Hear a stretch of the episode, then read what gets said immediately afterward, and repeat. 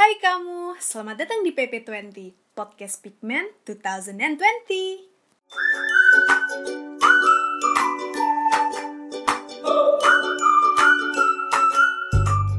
Assalamualaikum warahmatullahi wabarakatuh.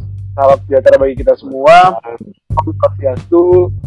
Nama Kurilan. Di sini aku akan jadi host podcast Pigment yang bertema Mawapres dan kebetulan kita udah terhubung dengan narasumber kita yaitu Mas Muhammad Deva. Halo Mas Deva. Halo, halo, halo Lan. Halo semuanya. Oke. Boleh dong Mas diperkenalkan dulu eh, nama, jurusan dan eh, angkatan berapa mungkin biar teman-teman kita nih pada tahu ya, lagi berbicara apa mendengar suara siapa sih gitu. Anjay. Oke, eh, halo semuanya, salam kenal. Aku Dava. Aku dari eh, FEB 2017, sekarang semester 7, prodi Ekonomi Pembangunan. Oke. Nih Mas, ini kan temanya awal pres Mas. Iya. Nah, mungkin masih banyak belum tahu nih dari teman-teman FEB kita yang baru nih kayak apa sih Mawapres itu? Coba Mas Deva boleh di eh, kasih tahu dulu tentang Mawapres itu apa. Ya, jadi Mawapres itu kan eh, mahasiswa ber- berprestasi ya sebenarnya kepanjangannya. Jadi eh, biasanya di setiap univ, terutama di UNER, itu suka mengadakan seleksi mahasiswa berprestasi setiap tahunnya. Dan kalau secara spesifik di FEB itu biasanya eh, seleksi Mawapres diadakan pada semester ganjil. Eh, dan biasanya itu eh, di- dialihkan ke BEM terutama Departemen Keilmuan yang eh, berdasarkan suruhan dari kemahasiswaan gitu dan dan Oh. masuk ke acara namanya VB Juara gitu Oh, berarti melalui BEM FEB Mas ya? iya betul betul banget Mas kan pasti banyak yang mau mau tahu ya gimana sih caranya eh, buat dapetin prestasi-prestasi itu gitu. Mungkin ada tips and tricksnya Mas bisa dikasih tahu ke teman-teman kita yang baru ini. oke eh, berarti eh, untuk dapetin prestasi gitu ya maksudnya supaya teman-teman sekiranya yang pengen daftar Mawapres juga bisa mempersiapkan ya Lan ya Iya Nah, benar. jadi uh, menurutku uh, jadi gini, uh, mungkin aku pengen cerita dari latar belakang aku dulu kali ya supaya mungkin beberapa dari kalian itu bisa relate atau punya kesamaan sama aku supaya atau supaya kita bisa punya uh, apa namanya common ground lah. Uh, jadi sedikit flashback uh, waktu dulu itu uh, aku bukan murid yang akademis banget, mungkin uh, beberapa dari uh, mungkin Rilan sendiri juga udah tahu gitu.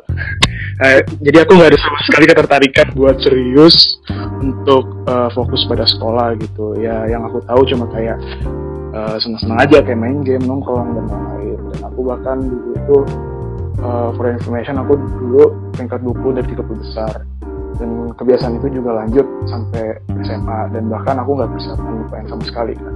Tapi eh, maksudnya yang pengen aku sampaikan adalah eh, aku bukannya pengen menjustify bahwa hal itu adalah hal yang normal hal itu nggak apa-apa. Tapi menurut aku eh, menurut aku itu adalah hal yang salah untuk dilakukan. Dan kalau aku bisa turn back times uh, I would obviously change all those things gitu. Eh, tapi poin yang pengen aku sampaikan adalah eh, kita tuh punya kesempatan yang sama untuk twist our story untuk eh, mengubah cerita kita. Ya meskipun aku aku sadar kalau mungkin aku punya privilege yang dipunyai orang orang lain. Tapi maksudku adalah eh, meskipun kamu sekarang merasa kamu bukan murid yang tanda kutip benar eh, bukan berarti kamu nggak bisa ngubah itu. Terus balik lagi eh, pertanyaan itu kan gimana caranya? Kalau menurut aku yang aku bisa simpulin itu ada dua hal yang pertama eh, kadang itu kita suka ngasih ngasih apa ya ngasih too much respect ke kompetitor kita sampai eh, nganggap kalau eh, diri kita itu inferior dibandingkan sama kompetitor kita itu sendiri. Jadi menurutku eh, hilangin aja rasa ragu kamu karena karena you best believe kalau uh, mereka itu juga sama aja. Mereka juga punya rasa takut mereka juga punya persepsi yang sama kayak kita terhadap kompetitornya yaitu mereka juga punya uh, rasa takut uh, saat mereka melihat kompetitornya masing-masing gitu. Dan itu merupakan hal yang wajar sih menurutku. Apalagi untuk kita sebagai pemula kan. Jadi poinku adalah jangan terlalu memikirkan apa yang orang lain punya tapi fokus aja sama apa yang bisa kita lakuin. Terus mungkin yang kedua adalah uh, jangan nunggu sampai kamu ngerasa kamu udah cukup baik atau udah cukup pintar. Karena percaya sama aku uh, you will never reach the stage where you feel you are good enough gitu. Justru kamu harus percaya dengan imperfection imperfectionmu sendiri. Karena saat kamu uh, salah kamu tahu apa yang harus kamu perbaikin untuk untuk selanjutnya bisa jadi lebih baik lagi tuh di, di in the standpoint of akademik dan soft skill.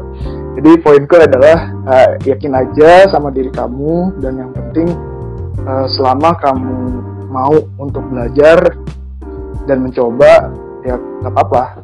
Justru justru uh, itu itu lebih baik sih untuk untuk mengetahui untuk mengetahui kesalahan kita itu sih. Hmm, Oke okay, berarti yang tadi pertama itu berarti bahasa kayak pede aja lah gitu lah ya.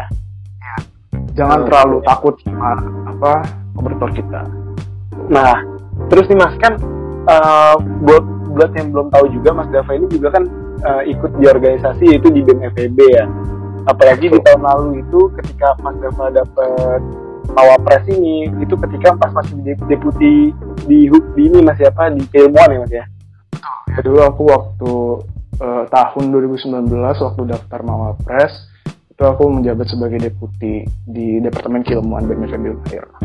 Nah, itu berarti cara bagi waktunya tuh gimana tuh mas? Antara organisasi di BEM terus kuliah belajar dan mungkin nongkrong-nongkrong gitu. Itu gimana caranya?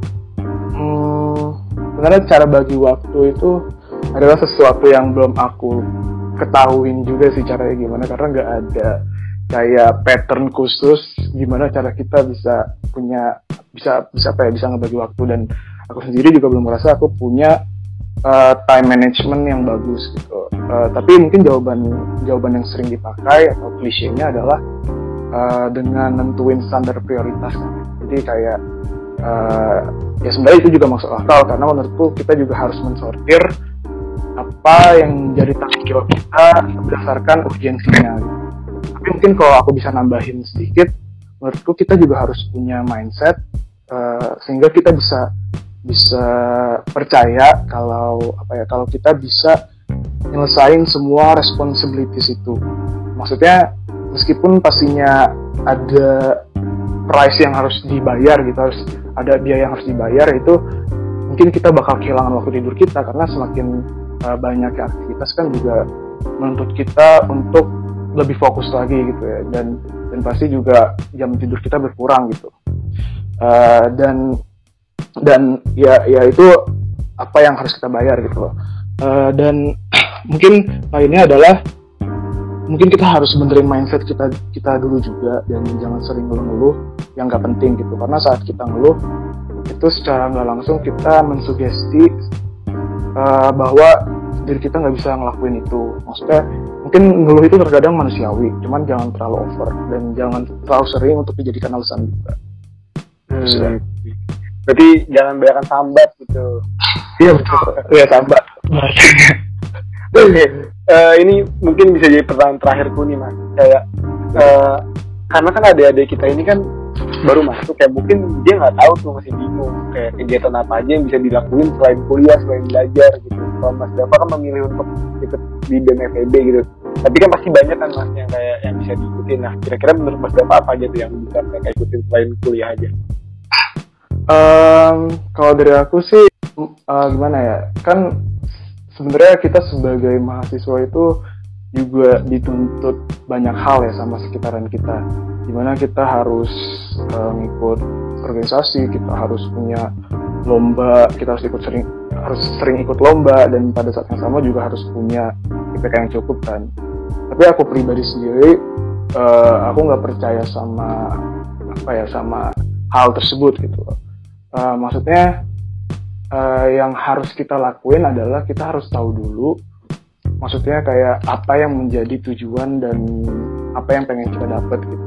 Jadi setelah kamu tahu apa yang jadi tujuan kamu kamu bisa nentuin gitu kira kira-kira apa aja hal yang harus kamu lakuin. Jadi kamu gak harus gak harus uh, ngerap apa ya ng ngelakuin semuanya cuma untuk menyenangkan orang lain gitu cuma untuk bisa berada di standar orang lain. Jadi tentuin dulu aja kira-kira apa yang mau jadi tujuan kamu gitu. Uh, dan kalau emang ternyata kamu cuma pengen fokus di kuliah ya itu nggak masalah karena kamu sendiri kan yang tahu apa yang kamu butuhin. Dan kamu nggak perlu maksa juga untuk ngelakuin yang lain gitu. uh, mungkin itu sih lah Oke, walaupun di samping harus kuliah doang, ada banyak hal penting yang harus dilakuin juga, mas kayak latih iya. soft skill dan lain-lain gitu. Oke, mungkin ya itu aja mas dari pertanyaan-pertanyaanku. Terima kasih buat Mas Dava udah menyempatkan waktunya untuk berada di podcast kita ini, di podcast Pigman ini. Eh, semoga bermanfaat buat para pendengar yaitu adik-adik kita yang peserta Pigman. Semoga Mas Dava juga semakin sukses buat eh, skripsinya, buat kuliahnya. thank you Oke. Eh, Dan terima kasih untuk uh, Rilan dan teman-teman Pigman, panitia Pigman atas kesempatannya. Aku bisa sharing sama maba-maba yang mungkin akan mende- akan mendengarkan mendengarkan ini. Uh, ya, makasih dari panitia. Oke, sampai bertemu Oke. di lain podcast. Terima kasih Mas Dava. Assalamualaikum warahmatullahi wabarakatuh. Waalaikumsalam warahmatullahi wabarakatuh.